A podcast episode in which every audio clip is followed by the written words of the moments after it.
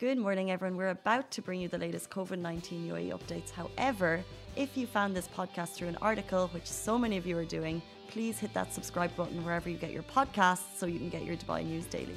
Hello, guys. Wishing everyone a very good morning. You're watching the Lovin Daily Life with me, Simran, and Casey will be back to take over the show next week.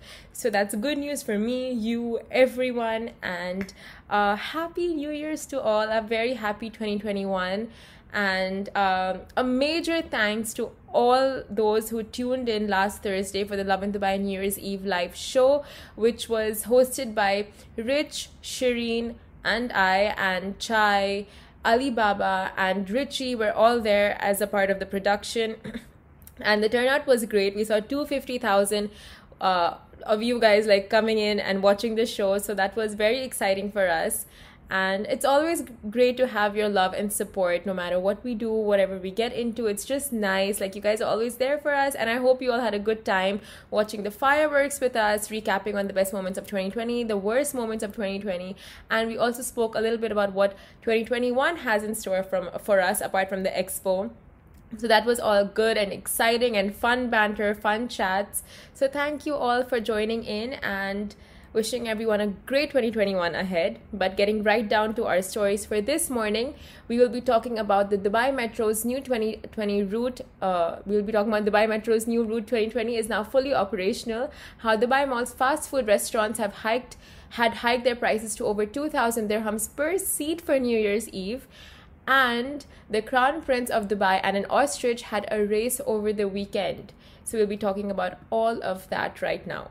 Starting off with the metro, Dubai's Road and Transport Authority RTA has started operating the four new station routes in Jebel Ali, the Gardens, Discovery Gardens, and Al Furjan on January 1st, 2021 at 10 a.m. and starting the right starting the year off on the right path.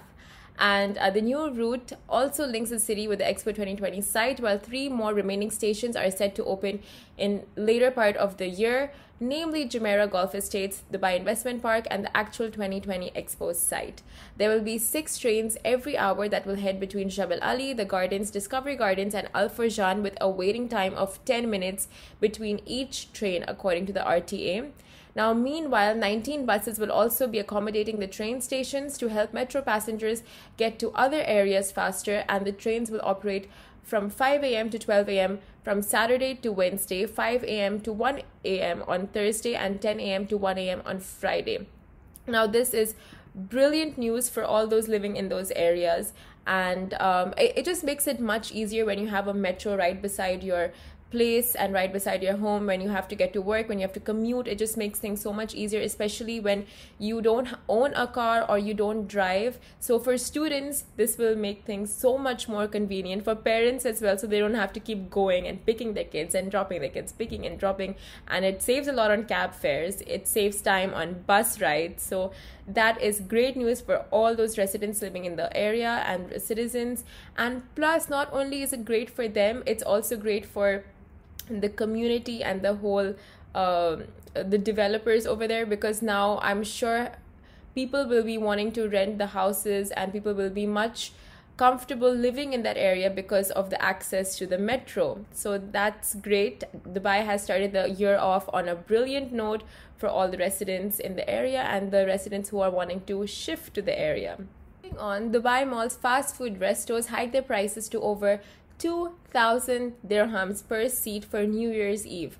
So, despite the pandemic, the fireworks show at Burj Khalifa went on as per usual. And like you guys saw with us, or saw yourselves, or saw live, wherever you saw it, I don't need to explain or even go into detail about how grand and spectacular the Burj Khalifa fireworks shows were like because you guys saw it and it was par excellence as usual. Every year it gets better and um, there is no expense ever saved. There is no expense uh, spared when it comes to the fireworks show at Burj Khalifa.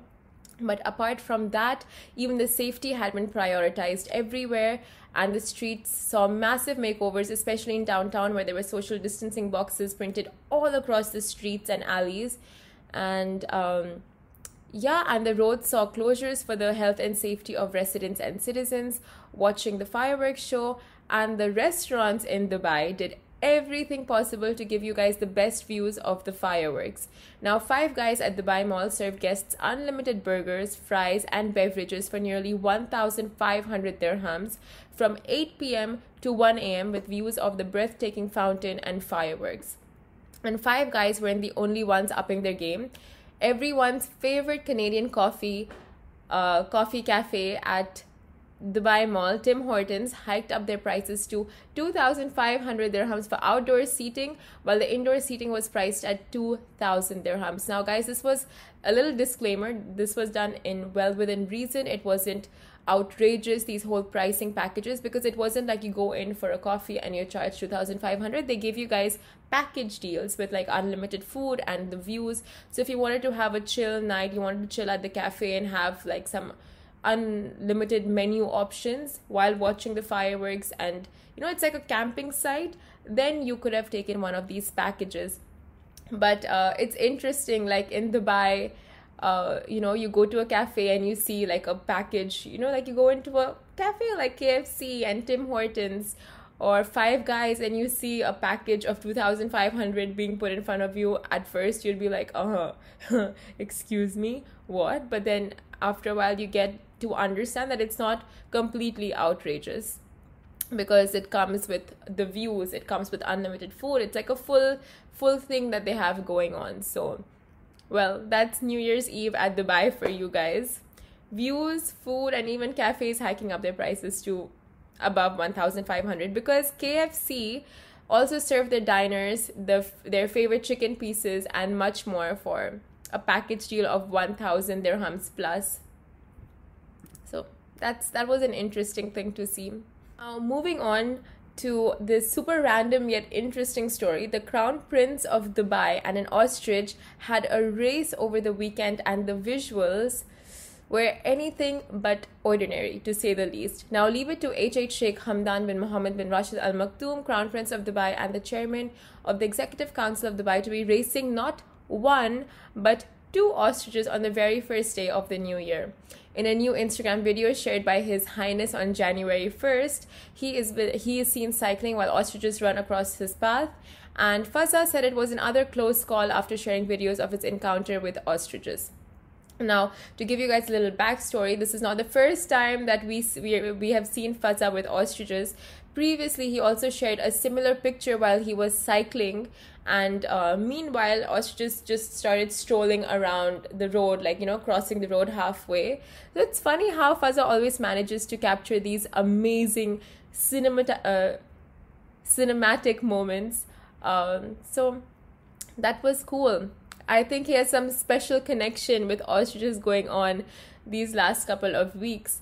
But um, yeah, starting the new year off on a right note, the Crown Prince continues to inspire many of us to get out, get fit, exercise, and um, just shows what a great leader he is because for the Dubai Fitness Challenge, which is his initiative, he's very passionate about fitness and about exercising. So he doesn't just keep it for himself, he makes sure the entire city, all the expats, the residents, and citizens get involved as well, up their fitness games. So that in a nutshell is what you call great leadership. So, well, Fazam killing it. You are killing it. I can't be like props to you because I mean, you don't need me to say props to you. So, just gonna add that you are smashing the game, smashing the whole leadership game, fitness game, everything. So, that's amazing to have that leadership, have being in a city with this kind of leadership. But um, again, guys, of wishing all a very happy New Year's, a very happy 2021 hope and pray this year brings everyone lots of love, laughter, health, joy, success, happiness, and a little bit of luck because we all need that luck right now. And 2020 is behind us, but still, not knowing what 2021 will be bringing and what surprises the year has in store for us, let's work individually to make this year the best and set goals for ourselves, follow them, and just get put ourselves on the right path because even if 2021 decides not to be the best year, we will make it the best for ourselves. Am I right? Okay. Uh, let me know in the comments. But yeah, happy New Year's to all. Happy 2021 and I will see you guys same time, same place, 8:30 a.m. tomorrow. So bye. Have a great day and have a great year ahead. Guys, that is a wrap for The Lovin Daily. We are back same time, same place every weekday morning. And of course, don't miss The Lovin Show every Tuesday where I chat with Dubai personalities. Don't forget to hit that subscribe button and have a great day.